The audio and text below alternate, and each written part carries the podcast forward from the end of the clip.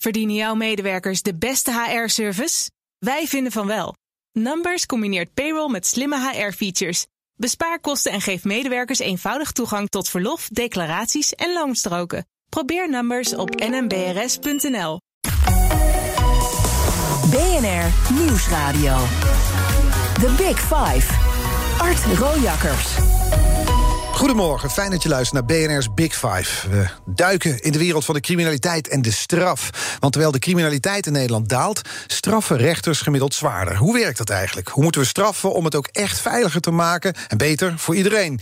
Dat onderzoeken we deze week met vijf kopstukken uit het veld in BNR's Big Five van misdaad en straf. Dus met vandaag Johan Bak bij me. Sinds 2018 is hij directeur van Reclassering Nederland, een stichting die gedetineerden terugbegeleidt de maatschappij in, verantwoordelijk voor de uitvoer van werk straffen bijvoorbeeld. In totaal gaat het om zo'n 80.000 cliënten, zoals dat in jullie jargon heet, toch, Johan Bak? Klopt, ja. Cliënten. Ja, de, de, ik noem ze meestal veroordeelden of verdachten. Dat is nog een beetje uit mijn oude officier van officier van justitie. Maar wij noemen ze intern vaak cliënten. Cliënten. Nou goed, we gaan een aantal stellingen. Daar beginnen we dit programma mee. Mag je met ja of nee op antwoorden? De eerste, een taakstraf leidt tot minder gevaar voor de samenleving dan een gevangenisstraf. Eens. Zwaarder straffen leidt tot een veiligere maatschappij. Oneens. Het is een misverstand dat de reclassering voor een softe manier van straffen pleit. Eens.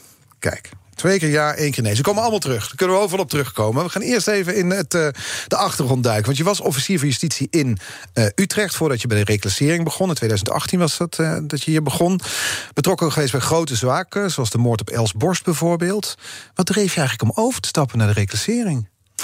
Ja, dat, is, uh, dat had met meerdere factoren te maken. Het eerste was eigenlijk dat uh, de reclassering is ja, ongelooflijk belangrijk. Uh, want als officier van justitie had ik het heel goed naar mijn zin. Maar je bent maar bij een heel klein deeltje van de strafzaak betrokken. Uh, je bent betrokken bij de vervolging, dus op de zitting en het aansturen van de politie. En het mooie van de reclassering is, die komen kort na de arrestatie al binnen... om een gesprek te hebben met, uh, met mensen die aangehouden zijn. En blijven soms levenslang betrokken bij uh, een veroordeelde.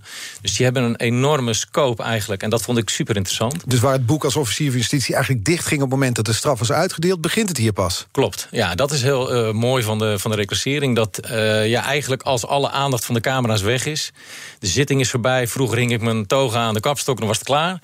Ja, en dan begint het. Want dan gaan mensen de samenleving in. Mensen gaan hun gevangenisstraf uh, ondergaan. Uh, maar slachtoffers worden ook geconfronteerd met de daders weer. Ja, dat is een hele belangrijke fase.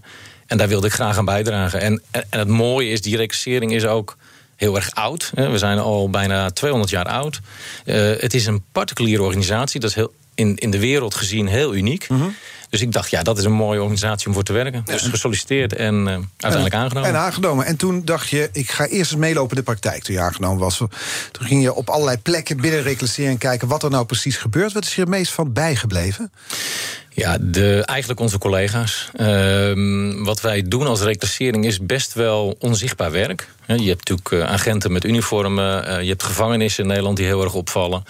Maar uh, onze werkers lopen in hun spijkerbroek en sportschoenen... lopen ze op straat, uh, spreken met uh, onze cliënten... leggen huisbezoeken af, zorgen ervoor dat er enkelbanden netjes worden gecontroleerd. Dus het is onzichtbaar werk. Maar achter de schermen doen onze collega's echt heel mooi werk. En ik vind dat ze, ja, iedereen die bij ons langskomt, externe... die zegt, na een tijdje meegelopen te hebben... wat is er een ongelooflijke passie voor het vak, wat zijn mensen bevlogen. Ja. En je ging ook werkstraffen uitvoeren bijvoorbeeld? Ja, dat was. Uh, Zag ik. Ja, zelfs de eerste werkdag. Dat was op 1 juni 2018. Mm -hmm. Dat was een vrijdag. En iedereen dacht, ja, die baas die begint wel op maandag waarschijnlijk, want die neemt die vrijdag wel vrij. Yeah. Dus niemand verwachtte dat ik kwam. En toen ben ik uh, op een uh, locatie in Nederland. schoffelen? Ben ik gaan schoffelen. En op die dag heb oh. ik een werkstraf ondergaan als boef, zeg maar. Yeah. Ja, ik had als officier justitie, ik denk wel duizenden keren een werkstraf gevraagd, of zelfs opgelegd ook. Um, eigenlijk had ik nog nooit uh, straf gehad. een straf gehad. Ja, dat is ook logisch. Ah, burger natuurlijk. Ja, dat, dat hoort er een beetje bij. Um, en toen dacht ik, ja, ik wil graag dat ondergaan. Dus toen ben ik uh, een dag met uh, ja, een aantal veroordeelden opgetrokken. Wat leerde je ervan? Dat heel veel mensen het zien als gedwongen. Nou, dat is ook logisch. Het is straf. Um, dat er een ongelooflijke variëteit is aan klanten letterlijk was er een directeur die, nou hij had zijn stropdas niet meer om. Maar voor de rest zag hij er nog uit alsof hij op kantoor was. En hij zat naast een zwerver. die later binnenkwam, die geslapen had een, op een bankje in het park. er zaten jongeren, er zaten ouderen, er zaten hele zielige mensen tussen. En er zaten ook irritante mensen. Dus eigenlijk zie je de hele samenleving zie je voorbij komen daar. Maar dat wist je al uit je tijd als officier van justitie. Want dan had je die straf aan die mensen opgelegd. Ja, wat, leerde je van die werkstraf van het schoffelen? Nou ja, dat mensen dus uh, uh, met die verschillende achtergronden allemaal daar aan de slag gaan. En dat het best een kunst is om die mensen dan vervolgens ook op een goede manier uh, iets terug te laten doen voor de samenleving. En, en dat is ook wel mooi om te, om te zeggen. Want die mensen worden niet willekeurig zomaar ergens geplaatst. Wij kijken altijd wat is een goede plek voor iemand. Um, de meeste werkstraffen doen wij ergens in de samenleving. En dat is ook het mooie om te zien. Uh, ja, je bent echt iets aan het mooier maken in de samenleving... waar normaal geen uh, tijd of aandacht voor is, maar wat de werkgestrafte dan opknapt. Ja, en dat heten dan merk, werkmeesters die dat doen, die begeleiden zo'n zo'n groep. Dus dat gaat dan van een directeur tot een zwerver, van irritante gasten tot, tot, tot aardige mensen. En die moeten dat dus allemaal begeleiden. Dat is dus de kunst van de reclassering? Ja, dat is de kunst, want je maakt inderdaad uh, iedereen mee, van bekende Nederlanders tot, uh, tot zwervers. Uh, Zouden we het niet over hebben, Johan? Nee. En wat het lastige is, is die mensen op een goede manier dus aan het werk zetten. Mm -hmm. Maar tegelijkertijd heb ik daar dus grote bewondering voor gekregen. Het is goed om iets terug te doen voor de samenleving. Het heeft vaak een beetje het imago van, nou ja, ze schoffelen lekker. Maar ga er maar aan staan om met zo'n groep, uh, zo'n diverse groep aan de slag te gaan. En het mooie is dat uh, ja, er ontstaat natuurlijk ook iets. Want als je zo lang met een clubje optrekt, ziet zo'n werkmeester natuurlijk meer dan alleen maar of er goed gewerkt wordt. Maar er wordt vaak ook gepraat over de problemen die er zijn. Dus de reclassering kan ook daar iets in helpen. In de schulden of om mensen door te geleiden naar een organisatie. we gaan het straks nog uitgebreid hebben over die taakstraf. Maar eerst even het thema van deze week is misdaad en straf. Wat is voor jou, oud-officier van justitie... nu directeur reclassering Nederland... het belangrijkste doel van straffen? Uh, er wordt natuurlijk vaak gezegd uh, uh, vergelding.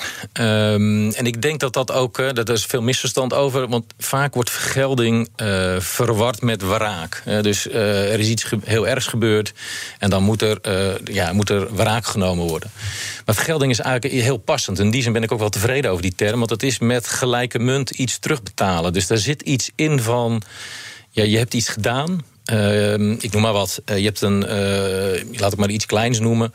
Je hebt iets vernield van iemand anders. je hebt een auto vernield. En dan moet dat weer ongedaan gemaakt worden. Mm -hmm. En dat kan rechtstreeks. Dat doen we niet zo heel veel in Nederland. Maar kan ook indirect door bijvoorbeeld een geldboete of een werkstraf op te Moeten doen. Ja, dus dat, dus dat, dat is de, het belangrijkste doel. En een heel belangrijk tweede doel is...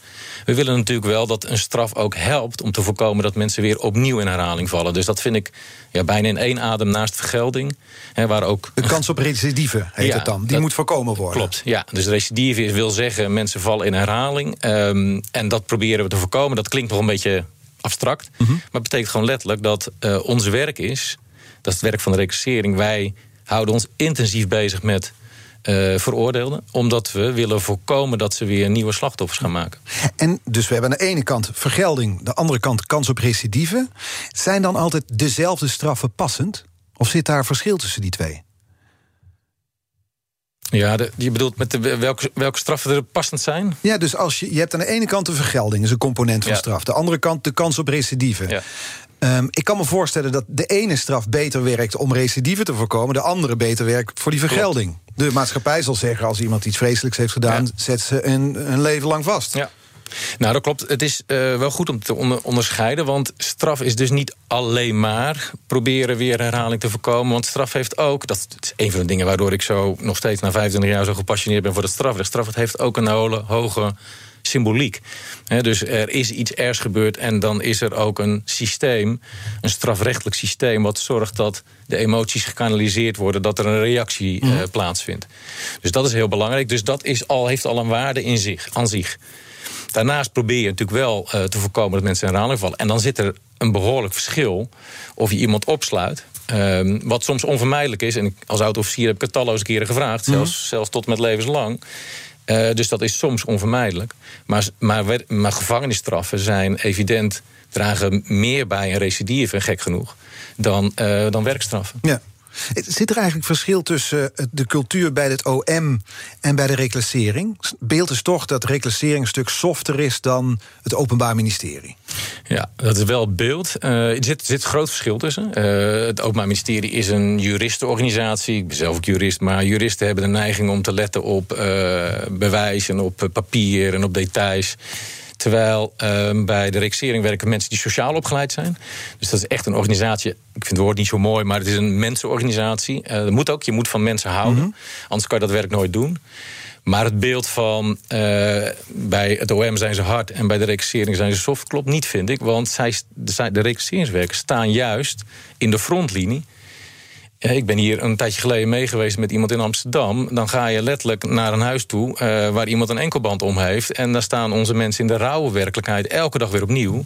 Dus het is geen soft organisatie, maar het zijn wel mensen die... Meer oog hebben voor de mens dan voor de straf misschien? Ja, zeker. Nou, ja, in ieder geval uh, de mens eh, achter de dader zien, zeg maar. En dat is ook heel belangrijk. Want als je dus dat niet als ik dan terugga naar die twee uh, aspecten van straf, recidive versus vergelding. Dan van buitenaf gekeken, denk ik dan bij het OM, waar je als officier van justitie natuurlijk voor werkte, gaat het meer om die vergelding. Bij reclassering kijken jullie wellicht meer naar de kans op herhaling, de kans op recidive. Ja, dat is voor ons belangrijk. Hè. Je wil, dat is ook letterlijk het woord reclasseren, reclasseren. Mensen weer op het juiste spoor proberen te brengen. Ja, en dan moet je naar meer kijken dan alleen maar naar uh, die straf. Dan kijk je ook naar die mens, dan kijk je naar de mogelijkheden en onmogelijkheden. Maar kijk je ook heel nadrukkelijk naar hoe kunnen we voorkomen dat er nieuwe slachtoffers komen. The Big Five. Art Rojakkers. Deze week vijf kopstukken uit de wereld van misdaad en straf. Met vandaag de gast Johan Bak, directeur van Reclassering Nederland. Uh, het kwam al een paar keer bij die taakstraffen. Laten we daar eens op inzoomen. Jaarlijks legt de rechter in Nederland er zo'n 35.000 op taakstraffen. Dat is dan maximaal 240 uur arbeid voor de maatschappij verrichten. Schoffelen in de volksmond. Hmm. Uh, een van de stellingen in het begin was... een taakstraf leidt tot minder gevaar voor de samenleving dan een gevangenisstraf. Daar zei volmondig ja op. Klopt. Leg dat eens uit. Ja, er is onderzoek gedaan, dat is wel wat langer geleden. Dus dat proberen wij ook in de, in de toekomst weer te herhalen. Maar er is een tijdje geleden onderzoek gedaan dat als iemand een werkstraf krijgt, in vergelijking met iemand die een korte celstraf krijgt, uh, wat is dan uh, de recidive na een tijdje? Uh, en als je een werkstraf krijgt, is, bleek uit dat onderzoek, is dat 46% minder dan als je een korte celstraf krijgt. En dat is eigenlijk... Dat is de verklaring, dus bijna de helft minder. Ja, dat ja, dat is ook vrij logisch eigenlijk wel. Want als je iemand vastzet, um, dan ga je uit de samenleving. Mensen raken soms hun werk kwijt. Uh, mensen raken soms hun woning kwijt. Mensen raken soms hun sociale netwerk kwijt. Allemaal factoren die heel belangrijk zijn om te voorkomen dat iemand in herhaling valt. Uh -huh. Terwijl als je een werkstraf krijgt, kun je gewoon s'avonds thuis slapen. Terwijl je toch een straf ten uitvoer legt. Je kan hopelijk ook je baan houden als je het goed regelt met je werkgever. Omdat die uren kun je ook verdelen, kun je ook in de weekenden doen. Dus je voorkomt eigenlijk dat mensen een aantal dingen kwijtraken. Uh, die heel belangrijk zijn. Wij noemen dat beschermende factoren. -huh. Namelijk goede relatie met vrienden, uh, werk, uh, een dak boven je hoofd. Ja, en als je dat behoudt, ja, dan dien je de samenleving niet alleen door die uren, maar ook door te voorkomen dat uh, mensen uiteindelijk weer in, uh, in herhaling vallen. Ja, en tegelijkertijd begrijp ik dat een taakstraf ook goedkoper is. 100 euro per dag, gevangenis 250 euro per dag, klopt dat? Ja, het is ongeveer de helft, dus het is de helft goedkoper en uh, ongeveer twee keer zo effectief. Dus het is gelukkig een straf die ehm, populair is in Nederland. Hè. We hebben, nou, je noemde al, het is een keer of 30.000 per jaar wordt het opgelegd. -huh. Ik denk overigens dat er nog een enorme potentie is. Want we hebben in Nederland nog steeds heel veel korte gevangenisstraffen. 50% van alle Nederlanders uh, die een gevangenisstraf krijgt, zit korter dan een maand. En 75% zit korter dan drie maanden. Wij denken altijd aan de takkies ja. en aan de holleders. Nou, dat zijn uitzonderlijke zaken met een uitzonderlijke lange duur van een straf. Maar het gros van de Nederlanders die de gevangenis gaat, gaat heel kort de gevangenis in. En juist die zijn heel goed te vervangen door enkelbanden of werkstraf. Maar dus dan zou je zeggen, vervang dat. Doe niet die gevangenisstraf en doe meer taakstraffen. Ja. Waarom gebeurt het niet? Nou ja, het gebeurt wel natuurlijk omdat we. Het is, uh, de, de taakstraf is nog relatief jong. Ja? Uh, is begonnen in 1971. Nou, dat is al wat langer geleden, maar als een soort experiment. Uh, is in uh, de jaren 80 in de wet gekomen. Is pas in 2001 een hoofdstraf geworden in Nederland. Mm -hmm. Dus het is een relatief jonge straf. En inmiddels leggen we hem al als tweede straf op na uh, de geldboete. Ja. Worden er in Nederland te veel korte celstraffen uitgedeeld? Dat vind ik wel, ja. Als je kijkt naar hoeveel werkstraffen er nog mogelijk zijn. Kijk, die, die korte celstraf vooral, hè, die 50% korter dan een maand. Ja, daar zijn gewoon hele goede alternatieven voor. Als je die mensen laat werken, je begeleidt ze. Desnoods doe je ze nog een enkelband om als je ze niet vertrouwt. En een enkelband kan straks misschien ook wel iets meer over vertellen. Hoe werkt dat nou precies? Ja, dat zijn hele goede alternatieven voor die korte celstraffen. Dus er is in mijn visie een soort verslaving aan die gevangenisstraf... Eh, waar we echt van af moeten. Verslaving aan tralies? Ja, want dat is natuurlijk... Uh, dat oogt heel goed. En het is bij sommige gevallen, nogmaals, ik zeg niet dat alle gevallen... een werkstraf moeten krijgen. Maar we moeten volgens mij echt veel fundamenteler nadenken... hoe kunnen wij sancties ontwikkelen... En dat is onder andere die werkstraf die in de samenleving plaatsvinden, die iets terugdoen voor die samenleving. Waar wij als burgers ook uh, baat bij hebben. En die ook nog eens een keer zorgen voor minder herhaling. Want wij hebben er geen baat bij als burgers als mensen korter dan een maand de cel in gaan? Nou, soms is het onvermijdelijk. Kijk, ik heb ook zaken meegemaakt, ook in het verleden als officier justitie. En ik zie ze nu ook voorbij komen. Dat zijn mensen die, uh, ja, die komen elke maand langs. En uh, nou ja, weet je, dan is op een gegeven moment niks meer mee te bereiken. -hmm. maar bij heel veel andere zaken zou ik zeggen, laten we goed ons best doen. En dan kijk ik ook naar onszelf als rechtsheer. Want wij adviseren rechters over welke straf passend is. Uh, maar laten we goed ons best doen om alternatieven te ontwikkelen. Dat is goedkoper en effectiever. Ja, heeft het ook met het sentiment in de maatschappij te maken? Een celstraf, die, die verslaving aan tralies, een celstraf voelt nou eenmaal strenger. Ja, het voelt strenger. De vraag is of dat zo is. Ik zeg altijd ja in de gevangenis zit je op je kont. Uh, en als je een werkstraf hebt, dan moet je om half acht dat je bed... en dan moet je je melden vlakbij op de Lutmerstraat... en dan moet je gaan aan het werk. Ja. Uh, dus het is de vraag of het, of het echt, uh, of echt soft is. Maar dat beeld is natuurlijk wel, hè? lekker in de zon een beetje schoffelen. Ja, Dat beeld is er. Ehm, dat, dat klopt ook soms, want wij hebben het grootste deel van onze werkstraffen... vindt ook plaats in de buitenruimte, in bossen. Mm -hmm. Uh, in parken. Uh, vorige week was ik in, in, in Orvelte, dat is een heel klein dorpje in Drenthe. Ja, dat, hele, dat is een museumdorp. Uh, een prachtig dorp. Je wordt helemaal onderhouden door werkgestraften. Ja, dat is, dat, is, dat is mooi om te zien. En dat lijkt heel aantrekkelijk. Maar ja, goed, je moet wel... Ik zeg altijd, ja, je moet gratis werken. En als je 240 uur gratis moet werken ja, dan doet dat ook iets. Ik, ik sprak uh, een ZZP'er die, ja, die zegt, ja, ik, ik, die had 240 uur.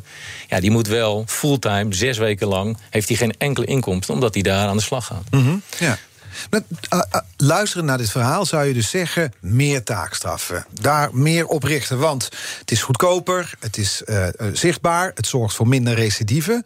Maar de realiteit is ook dat jullie als reclassering... al tijden op zoek zijn naar, naar extra projecten... om de opgelopen achterstanden in taakstraffen weg te werken. Jullie hebben eigenlijk te weinig werk, simpel gezegd. Ja, dat is nu tijdelijk, is dat zo? Uh, ongeveer 70% van alle werkstraffen doen we niet op onze eigen locaties... maar in een bejaardenhuis, sportclub, kringloopwinkel... dus dus dat is nu doordat we een tijdje door corona zijn we dicht geweest... zoeken we inderdaad extra uh, nou ja, plekken. Maar normaal kost dat ons niet heel veel moeite. We hebben, uh, Voor corona was het geen probleem die nee, taakstraf weg te zetten? zijn er heel veel organisaties die graag taakgestraft aan het werk zetten. Uh, dus dat is eigenlijk normaal niet het probleem. Maar doordat we een paar maanden dicht moesten door corona... hebben we nu inderdaad een tijdelijke achterstand. Dus we zijn nu met man en macht bezig om bij Staatsbosbeheer... en bij andere grote, maar ook allerlei kleine ja. uh, organisaties... om nieuwe plekken te vinden. Ja. Nog, nog even over het verschil tussen taakstraf en celstraf. Want één argument dat je dan hoort is... Ja, de, de gevangenis is een soort receptie voor criminelen. Als je ergens wil leren hoe je crimineel moet worden... moet je maand in de cel gaan zitten, dan, ja. leer je heel veel. Maar toen dacht ik, ja, als taakstraf, ik zie, als ik dat zie... dan zijn ze ook in groepjes aan het werken. Die kunnen toch ook lekker overleggen hoe je het de volgende keer moet aanpakken? Ja, ze komen daar natuurlijk ook anderen tegen. Uh, maar de sfeer is natuurlijk wel anders. Hè. Ze zijn aan het werk. Uh, dus het is niet een, een theekransje uh, en af en toe moet je nog schoffelen. Nee, je bent aan het schoffelen en af en toe mag je ook een woord wisselen. Ja. Dus het is wel een iets andere verhouding. Uh, maar klopt, ook daar zie je wel groepen. Maar er is ook een intensieve begeleiding op. Hè. Dus elke, wij sturen niet zomaar in het park hier uh, een club werkgestraften. Er altijd zijn daar werkmeesters bij die uh, controleren, toezicht houden. Mm -hmm. Als mensen de kantjes ervan aflopen, worden ze gewaarschuwd. Als ze dat voortdurend doen, krijgen ze een rode kaart. En als ze dat nog een keer doen, gaan ze de cel gewoon weer in. Dus het is ook een behoorlijk intensieve begeleiding. Ja. Ja. We, hadden het over dat tekort aan projecten dus dat er nu is. Dat, wat te maken heeft met corona. Daar heeft de kettingvraag, die wij kennen in dit programma, ook mee te maken. Want in de vorige aflevering bij mijn collega Diana Matroos... was hier VVD-prominent Uri Roosentaal. De afleveringen van vorige week zijn trouwens allemaal terug te luisteren... in onze app natuurlijk. Uh, dit is zijn kettingvraag voor jou. Hij heeft natuurlijk veel te maken met taakstraffen.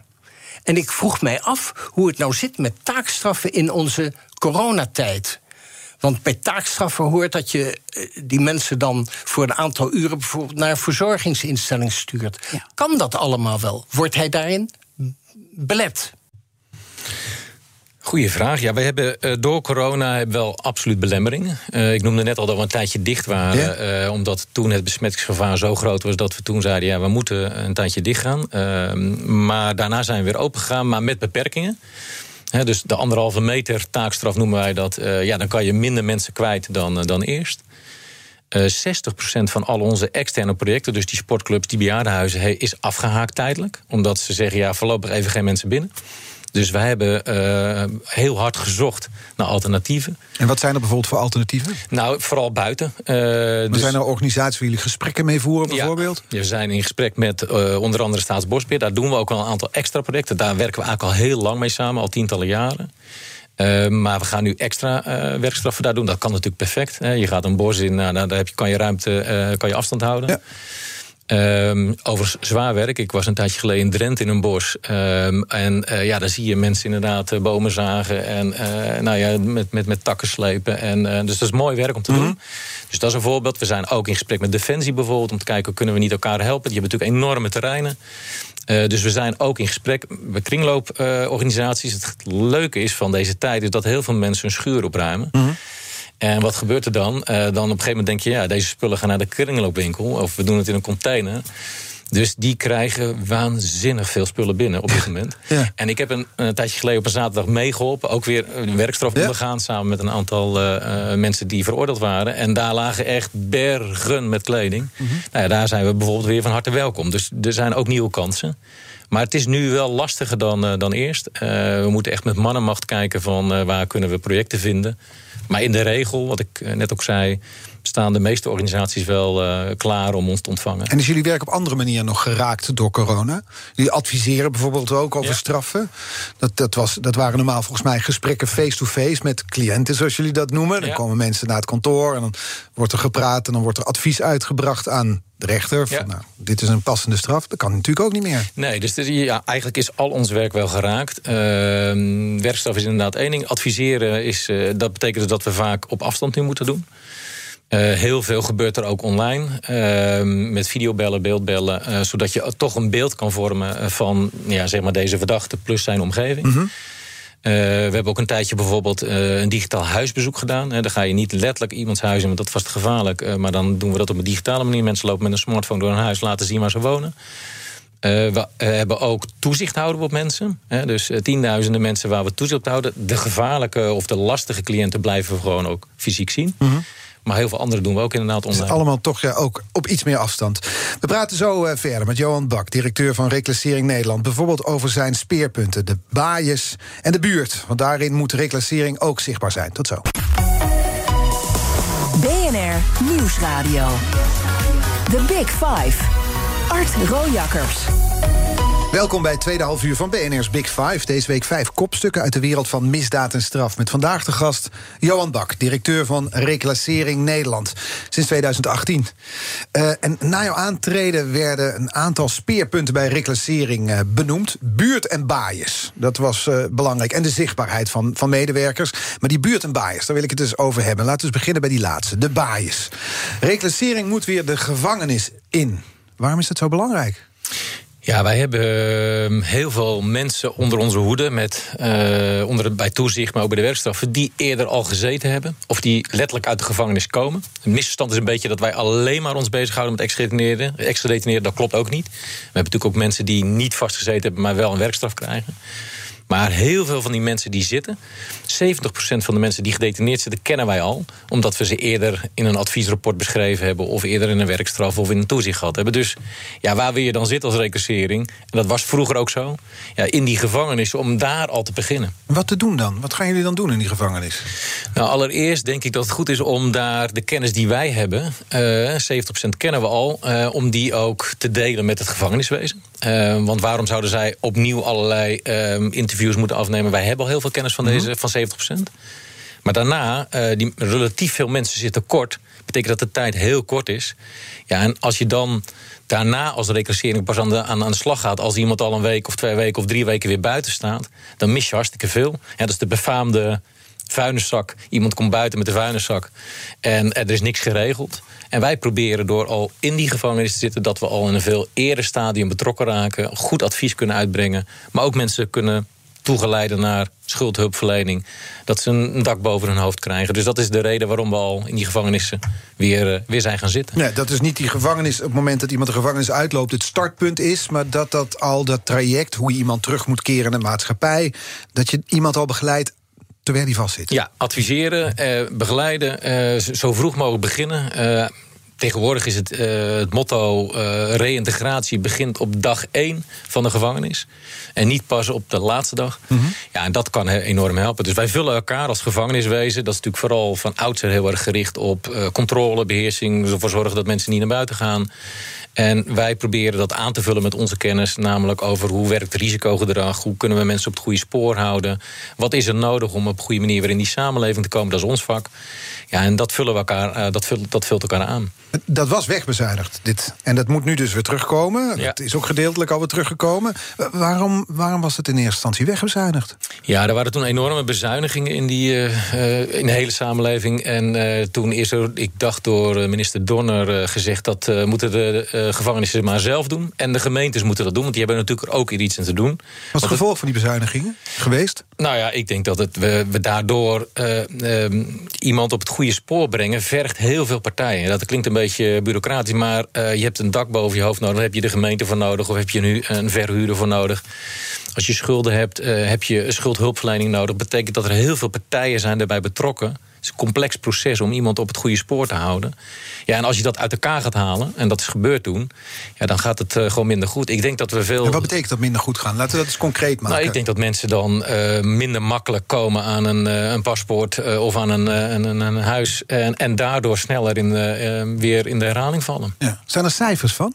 Dat weet ik eigenlijk niet. Ben ik heel eerlijk. Ik, zou, ik weet niet of daar onderzoek naar gedaan is. Of toen wij uit de nee. gevangenis kwamen, dat daardoor meer mensen in de. Maar durf je de stelling aan dat de maatschappij nu veiliger gaat worden. nu jullie weer terug naar bij zijn? Ja, in ieder geval de, de, de condities zijn nu beter. Omdat wij al uh, in die uh, gevangenissen uh, nou ja, vroeg ons werk kunnen doen. er komt ook een wet waardoor de informatieuitwisseling tussen gemeente, gevangeniswezen en recruitering veel makkelijker gaat. Dus dat zijn allemaal belangrijke condities. Ja, tegelijkertijd, ja, ik, ben, ik ben ook de baas van de recruitering zie ik ook dat er heel veel van ons gevraagd wordt. En dat er uh, eigenlijk altijd te weinig budget is om dat allemaal goed te kunnen doen. Dus uh, het hangt niet alleen maar af van onze intenties en van een wet. Maar er moet natuurlijk ook wel gewoon ruimte zijn voor, uh, om dit werk goed te kunnen doen. Ja. En toch denk ik dan, als ik naar de gevangenis kijk... dan zie ik van die mannen met van die sleutelbossen, van die cipiers. En aan de andere kant komen er dan nu van die begripvolle reclasseringsmedewerkers binnen... die dan mee gaan praten met, wat is er misgegaan in je jeugd dat je hier zit? dat, dat is wel een stereotype. Klopt het of niet? Nou, kijk, uh, onderschat ook niet wat, het, uh, wat die uh, mensen van het gevangeniswezen doen. Want die hebben namelijk 24 uur per dag te maken met deze doelgroep. Uh, die zijn echt niet alleen maar bezig met hun sleutelbos... maar ook om een goed contact te maken. Um, en onze mensen aan de andere kant kunnen ook heel streng zijn. Want als je na een gevangenisstraf bij ons onder toezicht komt... dat betekent dat je een hele reeks met voorwaarden moet houden. Dat je uh, een avondklok hebt, dat je een enkelband hebt... dat je een dagbesteding hebt. Dus, dus uh, nou ja, ook wij kunnen heel streng zijn. Maar ik denk dat in die aanvulling van wat wij doen en wat zij doen... Uh, zit echt een meerwaarde. En ik, ik ben ook heel blij dat we dat hebben kunnen realiseren de afgelopen jaren. Tegelijkertijd zijn het pilots... Die lopen eind van dit jaar af. Het zijn experimenten in zekere Het zijn experimenten ja. en ik hoop ook van harte dat we echt structurele financiering hiervoor krijgen. Ja, en dat hangt natuurlijk af van de resultaten. Die moeten nog definitief vastgesteld worden, ja, denk ik. die worden in de zomer worden die, uh, op een rijtje gezet. Ja. En in het najaar beslissen we erover en kijken we samen met het ministerie van kunnen we dit structureel maar doorzetten. Maar de eerste signalen zijn positief, begrijp ik? De eerste signalen zijn positief en wat mij betreft gaan we nooit meer uit die gevangenis. Nee. Uh, in tegenstelling tot de criminelen. Want die moeten er op een gegeven moment wel uit. En die moeten dan geruisloos terug naar de samenleving, hoorde ik jou ergens zeggen. Toen dacht ik, wat betekent dat eigenlijk? Ja, geruisloos. Kijk, als het gaat met een hoop herrie en uh, gedoe... en uh, mensen vallen snel weer in herhaling... of andersom, mensen komen terug en worden door de buurt uitgespuugd... Allemaal van dat soort factoren die ja, herrie geven... Mm -hmm. Um, die leiden ertoe dat mensen sneller weer in herhaling vallen. Dus geruisloos wil niet zeggen stiekem uh, of geheim. Maar wel uh, goed voorbereid. Uh, en vandaar dat we ook in die gevangenis al beginnen. Op een goede manier mensen weer in die samenleving mee laten doen. Ja, maar dat betekent ook dat bijvoorbeeld slachtoffers geïnformeerd moeten worden. Ja. Want anders is het inderdaad stiekem. Zeker, nee, dat, is ook. want dat is natuurlijk een hele belangrijke ontwikkeling geweest. Nou, dat zal deze week vaker voorbij komen, denk ik. Hè. Maar de slachtoffers hebben een veel belangrijke plek gekregen. En die moeten ook geïnformeerd worden. Die worden ook geïnformeerd mhm. over wanneer mensen terugkeren.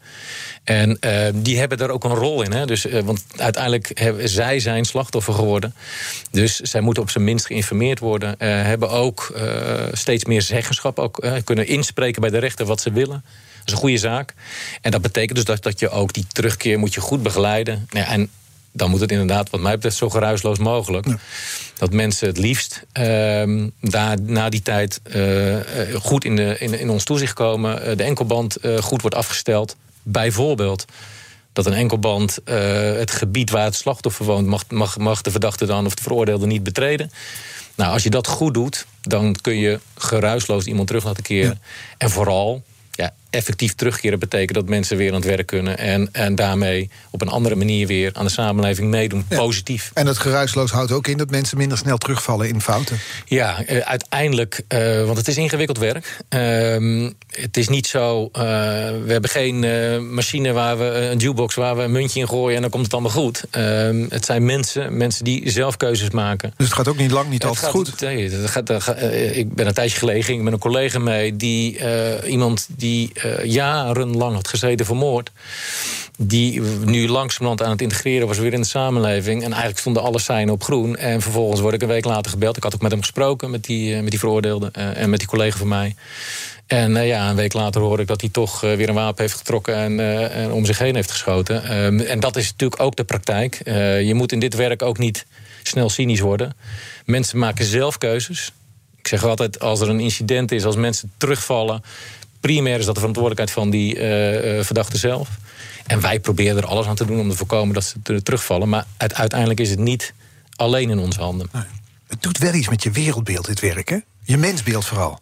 Ja, uh, toch merk ik niet dat het bij ons leidt tot cynisme. Uh, dus bij jou persoonlijk? Ook niet, nee. Officier van Justitie geweest. Dan zie je ook niet de mooie kanten van de mens. Nu nee. reclassering. Nee. Je houdt je bezig met wat we allemaal verkeerd doen. Dat klopt. Uh, en tegelijkertijd zie je ook hele mooie dingen. Ik bedoel, je ziet ook uh, uh, slachtoffers die op een hele volwassen, een hele goede manier omgaan met de verschrikkelijke dingen die ze, die ze is overkomen. Je ziet verdachten en veroordeelden die iets willen van maken van hun leven en er ook echt uitkomen. Je ziet ook onverbeterlijke herhaal criminelen die maar in de fout blijven komen. Klopt. En je ziet ook, laat ik dat ook eerlijk zeggen, de hele samenleving voorbij komen. Ja. dus het beeld van de creepy crimineel, die is te herkennen op afstand afstand, dat ben ik al lang kwijt. Want het kan ook gewoon uh, een buurman zijn die er keurig netjes uitziet, maar ondertussen de verschrikkelijkste dingen doet. Ja. Nou, het laatste vind ik niet heel geruststellend. maar dan toch, raakt het jou dan niet persoonlijk? Ja, kan je dat van je afschudden aan het einde van de dag? Nee, het moet je ook persoonlijk raken. Kijk, als je uh, dit werk doet en uh, je bent uh, een soort automaat, dan moet je stoppen. Ja. Dus het moet je wel persoonlijk raken en tegelijkertijd moet het je niet beïnvloeden. Hoe raak je het kwijt dan? Uh, ja, dat is bij, bij, bij, heel veel mensen verschillend. Primair Slaat je vrouw een keer en dan ga je weer door. nee, nee, primair op het werk. Hè. Dus er zijn bij ons op het werk uh, praten we heel veel met elkaar over hoe, uh, wat het met je doet. Dat hoort ook een beetje bij ons werk. Mm -hmm. En tegelijkertijd heb je ook andere manieren. Ik, vind, ik zeg altijd tegen onze collega's: doe mee in de samenleving ook op een normale manier. Sluit je niet vooraf. Ga gewoon bij een sportclub. Doe leuke dingen op de school van je kinderen. sporten, dat doe ik zelf heel veel. Ja. zodat je je hoofd leeg kan maken. Zorg voor een goed evenwicht. Een, belangrijk speerpunt, misschien heeft dat hier wel mee te maken, is de buurt. Dat is dat andere speerpunt, wel de buurt en bias. Reclassering is weer sterker aanwezig in bepaalde buurten. Ja. Amsterdam Zuidoost, Rotterdam Zuid en Eindhoven, Woensel West volgens mij. Um, heeft dat hiermee te maken dat jullie daar zichtbaar willen zijn? Ja, want uiteindelijk, kijk, reclassering vindt plaats in die samenleving. Hè? Dus uh, niet in een gevangenis met muren, maar in die samenleving. Dus je moet ook zijn op de plekken waar, uh, waar er uh, gewoon gedoe is en waar er veiligheidsproblemen zijn. Waarom? Dan kunnen we, als we daar in die haarvaten van die samenleving zitten, kunnen we beter adviseren aan rechters en officieren. Maar je kan ook beter aansluiten bij lokale initiatieven. Zoals de buurtrechtbank bijvoorbeeld. Ja, dat is prachtig. Daar ben ik een, een groot voorstander van. Ik ben in, onder andere in Eindhoven geweest, maar het zit op meer plekken in Nederland inmiddels. In Amsterdam gaan ze het ook doen, in Rotterdam gaan ze het Wat doen. Wat is het? Ja, je ziet, eh, ik ben in Eindhoven geweest, daar zie je gewoon een rechter in een zaaltje zitten midden in die wijk. Dus er is geen hoge drempel van een, uh, een statig gerechtshof in, de, in Den Bosch. Maar mensen gaan naar die, in hun eigen wijk naar de rechter. Die heeft wel een toga aan. Maar alle partijen zitten daar om tafel. Is redelijk informeel. En wat daar gebeurt is niet alleen kijken naar... wacht, je hebt een keer dronken gereden. Maar ze kijken ook naar huurproblemen. Ze kijken ook naar allerlei andere zaken. En proberen dan met elkaar tot een goede oplossing te komen. Ja, dat is niet voor alle zaken geschikt. dus uh, de grote zaken moet je gewoon doen in die. Maar buurtbewoners zijn op die manier ook veel meer betrokken. Ja, het is hun rechtbank. Uh, en zij kunnen ook uh, in die zittingszaal een woordje doen voor iemand. Ze, ze begeleiden mensen. Ze proberen dus niet alleen die strafbare feiten, maar het totale leven van iemand in beeld te brengen. En op daar op goede manier op in te grijpen. Veel mensen snappen het ook niet, laten we ook eerlijk zijn. Heel veel mensen die in de rechtbank komen, snappen er gewoon helemaal niks van. En dit is een laagdrempelige manier om dicht bij de problemen een oplossing te vinden. Ja, ik denk dat voor een bepaald type zaken is het een hele goede oplossing. Ja, maar niet voor geweldsdelicten of zo, denk nee, ik Nee, er zijn grenzen. Ik denk bijvoorbeeld inderdaad geweldsdelicten, zedenzaken... Uh, de georganiseerde mhm. misdaad. Daar, daar moet je, in mijn visie, dat moet je juist niet in die buurt doen. Dat, dat, dat levert ook allerlei veiligheidskwesties op. Die moet je vooral blijven doen in die rechtbanken. Maar, uh, maar dit soort, ik noem het altijd leefbaarheidszaken... die de leefbaarheid van die wijk raken. Vernielingen, uh, overlast, uh, uh, burenruzies. Ja, die kun je uitstekend in die, in die wijkrechtbank ja, En het is begonnen in Eindhoven en waait nu uit over Nederland. Ja, klopt. En wij zijn daar graag bij. Ik zie de technicus heeft van deze blij. Nieuwsradio. The Big Five. Art Rojakkers. En dan zeg ik meestal nog even dat je kan bellen. Dus om 11 uur 020 468 4 keer 0 kunnen luisteraars reageren. Oké, okay, tot zo, Ivan. Uh, je luistert naar BNR's Big Five van De Misdaad en Straf... met vandaag de gast Johan Dak, directeur van Reclassering Nederland. Uh, ik las in verschillende nieuwsberichten... dat reclassering steeds meer te maken krijgt met zwaardere criminelen.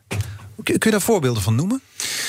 Ja, dat kan eigenlijk in alle soorten van ons werk. Uh, het kan zijn dat mensen een werkstraf krijgen en met een kogelvrij vest naar het werk komen omdat ze zelf target zijn uh, om uh, nou ja, geliquideerd te worden. Dat... Sorry, dus dan moet iemand moet een plantsoen bij schoffelen en die doet het met een kogel weer een vest Ja, als wij dat weten, doen we dat natuurlijk niet hier in het plantsoen, maar dan plaatsen we mensen op een plek waar, uh, waar die wat veiliger maar dat, is, dat maken jullie in de praktijk mee? Absoluut, ja. Dus dat is een voorbeeld. Maar we maken het ook mee, want we zijn ook betrokken bij uh, dus, uh, ex-gedetineerden. Uh, als mensen lang gezeten hebben, komen ze aan het eind van hun straf komen ze in een voorwaardelijke deel terecht, gaan ze de samenleving in. Mm -hmm. Onder allerlei voorwaarden. En die voorwaarden worden door jullie gecontroleerd? Die worden door ons gecontroleerd. Deze mensen hebben allemaal een enkelband. Zeer intensief worden die begeleid. Maar er zitten ook dus moordenaars tussen. Er zitten mensen uit georganiseerde misdaad tussen. En die krijgen wij ook als klant. En dus verandert het werk daardoor? Ja, wij hebben uh, gekeken uh, wat is daar de meerwaarde van de recrussering. We, mm -hmm. we, hebben het lang gehad over de recrussering. Proberen mensen op het goede spoor te krijgen. Bij deze categorie uh, zitten we iets minder op het... ja, we proberen ze op het goede spoor te krijgen... maar vooral om ze te controleren. En om ze iets minder ook te motiveren tot gedragsverandering. Deze mensen kiezen vaak voor de criminaliteit. Um, en dat betekent dus dat we vooral op de controle toezicht zitten. En we hebben onze werkwijze aangepast. Dat we ook veel kritischer kijken van kunnen we het op een veilige manier doen. Ja. En dus op die manier, de, de manier van werken is daar ook aangepast? Ja, we hebben een speciale werkwijze voor. Dat noemen wij uh, voor deze uh, buitencategorie. Ja. Um, en daar betekent onder andere dat we altijd met z'n tweeën dat doen. Nooit een registreringswerker alleen. Uh, we kijken heel goed naar welke informatie er is. we spreken bijvoorbeeld niet bij mensen thuis, of maar op politiebureaus. Um, nou, we schermen onze mensen meer mm. af. dus dat, voor een kleine groep, ik zeg er wel bij... Dus, we hebben rond de 80.000 cliënten... en dit is ongeveer 150 man, allemaal bijna. Um, dus het is een relatief kleine groep. Maar we zien wel daar echt een verharding in. En we zijn ook echt bezig om te kijken hoe kunnen we dat... Maak je zorgen om je medewerkers? Ja, ik maak me wel zorgen om de veiligheid. Ik ben blij dat we zo'n werkwijze ontwikkeld hebben... zodat we meer inzicht hebben. Maar je bent natuurlijk ook afhankelijk van informatie van andere partijen. We weten niet alles. Um, dus ik maak me wel zorgen om hoe kunnen we dat op een goede manier doen. Nou, die werkwijze helpt daarin. Maar we moeten altijd alert blijven en blijven doorontwikkelen. Dus het klinkt bijna alsof het wachten is op een incident.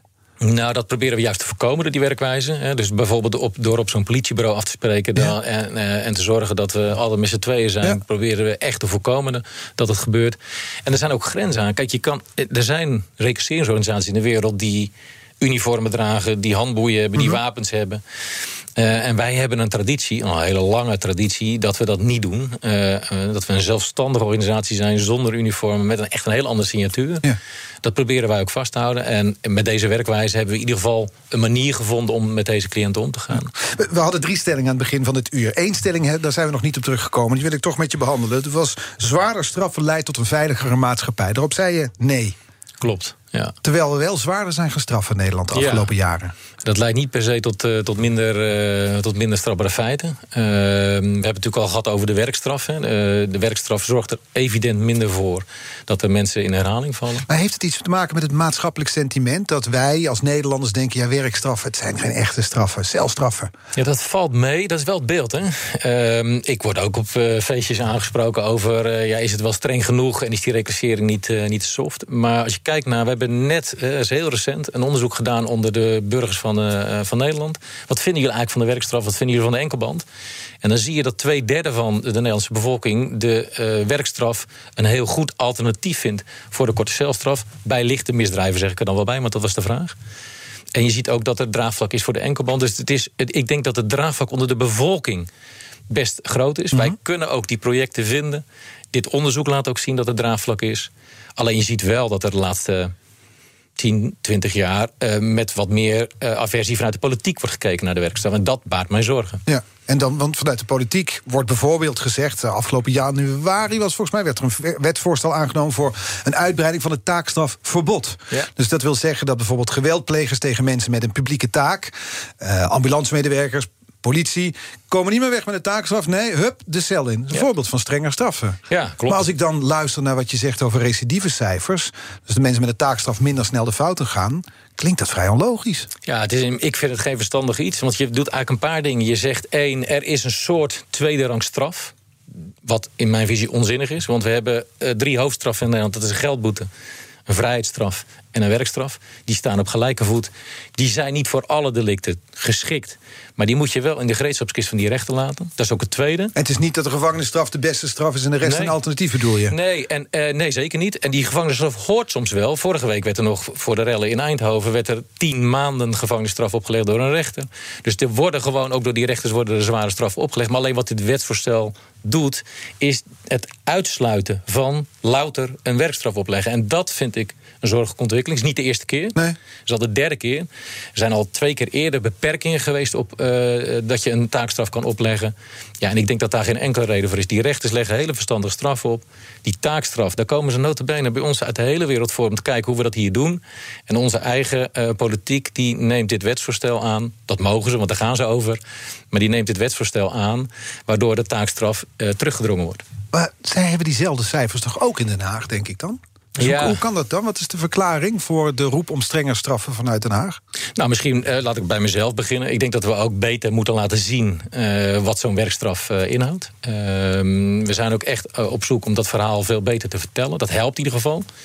Dat onderzoek laat ook zien dat we onder de bevolking wel echt gewoon brede steun... Hè, twee op de drie Nederlanders steunt dat wij werkstraffen... in plaats van korte celstraffen opleggen. Maar toch in Den Haag hoor je dus die roep om juist strenger straffen... Ja, gevangenisstraffen, taakstrafverbod. Ja. Wat, wat gebeurt daar dan? Nou ja, de, ja, ja, het is toch het imago, denk ik, van de, van de werkstraf. Er is uh, jaren geleden, ik weet niet of je het dan nog weet... maar was er een uitzending van, uh, een, een televisieuitzending van Zembla... over dat er werkstraffen werden opgelegd bij uh, moord en bij zedenzaken. Daar is toen onderzoek naar gedaan. Dat bleek heel erg reuze, bleek reuze mee te vallen. Maar dat is wel het beeld van er wordt bij zware misdrijven wordt, wordt er een werkstraf opgelegd. En dat he, is een beetje blijven kleven aan die werkstraf. En daardoor is die inmiddels al een paar keer uh, uh, ja, ingeperkt. En, dus jullie moeten het beter gaan uitleggen, zeg je? Nou, dat laat ik in ieder geval bij mezelf doen. Wij gaan het ook uitleggen. We leggen, ik leg het ook uit aan uh, mensen in Den Haag. maar we leggen het ook uit, zoals hier nu, maar ja. ook op allerlei andere plekken. Want ik denk echt dat we een goedkopere en een effectievere straf hebben dan die gevangenisstraf. En er is geen enkele reden om uh, een taakstrafverbod in Nederland op te leggen. Want we hebben hele verstandige rechters en hele goede sancties. Ja, en die, uh, die roep om zware straffen leidt niet tot een veiligere maatschappij, zeg je? Nee, ja, je kan altijd je kan twee kanten op. Hè. Dus als mensen onverbeterlijk zijn... en die gaan de gevangenis in, kunnen ze tijdens die gevangenisstraf, uh, in de regel, uh, kunnen ze geen nieuwe strafbare feiten plegen. Dus dat helpt een tijdje als je ze opgesloten hebt. Maar als ze daarna weer terugkeren, zijn de recidivecijfers van mensen die gezeten hebben vele malen hoger dan mensen die of een werkstraf hebben gehad, of een enkelband in combinatie met allerlei andere voorwaarden. Die kettingvraag die ik kreeg van Uri Roosentaal... die mag je weer doorpassen naar mijn volgende gast. Dat is uh, Disa Gironet, officier van justitie. Wat zou jij willen vragen? Ja, zij heeft een heel interessant boek geschreven. Uh, mijn oud-collega Disa. Uh, en ik, ik heb het gelezen uh, een tijdje geleden. En ehm, wat mij opviel, ik ben het heel erg eens met veel van wat zij schrijft. Maar wat ik wel een beetje uh, moeilijk vind, is zij probeert, het gaat over misdaad en mededogen. Meer compassie in het strafrecht. Mhm. Maar zij probeert dat allemaal te te, te, te focussen in de fase van de berechting. Dus op die zitting moet eigenlijk alles gebeuren. Terwijl ik denk, en dat is mijn vraag... Uh, die zou het niet veel verstandiger zijn om ook uh, dat mededogen veel meer voorafgaand aan de zitting en nadien tijdens de straftenuitvoerlegging onder andere bij de reclassering, om daar over het mededogen te spreken. Dus zou het niet interessant zijn om het uit te breiden en niet alleen maar in die berichting, maar ook daarna. Ja, om daar ook het mededogen terug te zien. Ik Ja. ga het er uh, morgen voorleggen aan uh, Disa Gironet. Morgen de gast dus in deze week van uh, Misdaad en Straf hier bij BNR's Big Five. Vandaag sprak ik met Johan Bak. Dank voor, dank voor de komst. Graag gedaan. Directeur van Reclassering Nederland, een oud-officier van Justitie. Um, alle afleveringen van BNR's Big Five zijn natuurlijk terug te luisteren. De podcast is te vinden in onze app, in de BNR-app. En ook op bnr.nl. En nu op deze zender zometeen Iwan Verrips met BNR Breekt. Hij gaat het hebben over KPN. Tot morgen. Verdienen jouw medewerkers de beste HR-service? Wij vinden van wel. Numbers combineert payroll met slimme HR-features. Bespaar kosten en geef medewerkers eenvoudig toegang tot verlof, declaraties en loonstroken. Probeer Numbers op nmbrs.nl.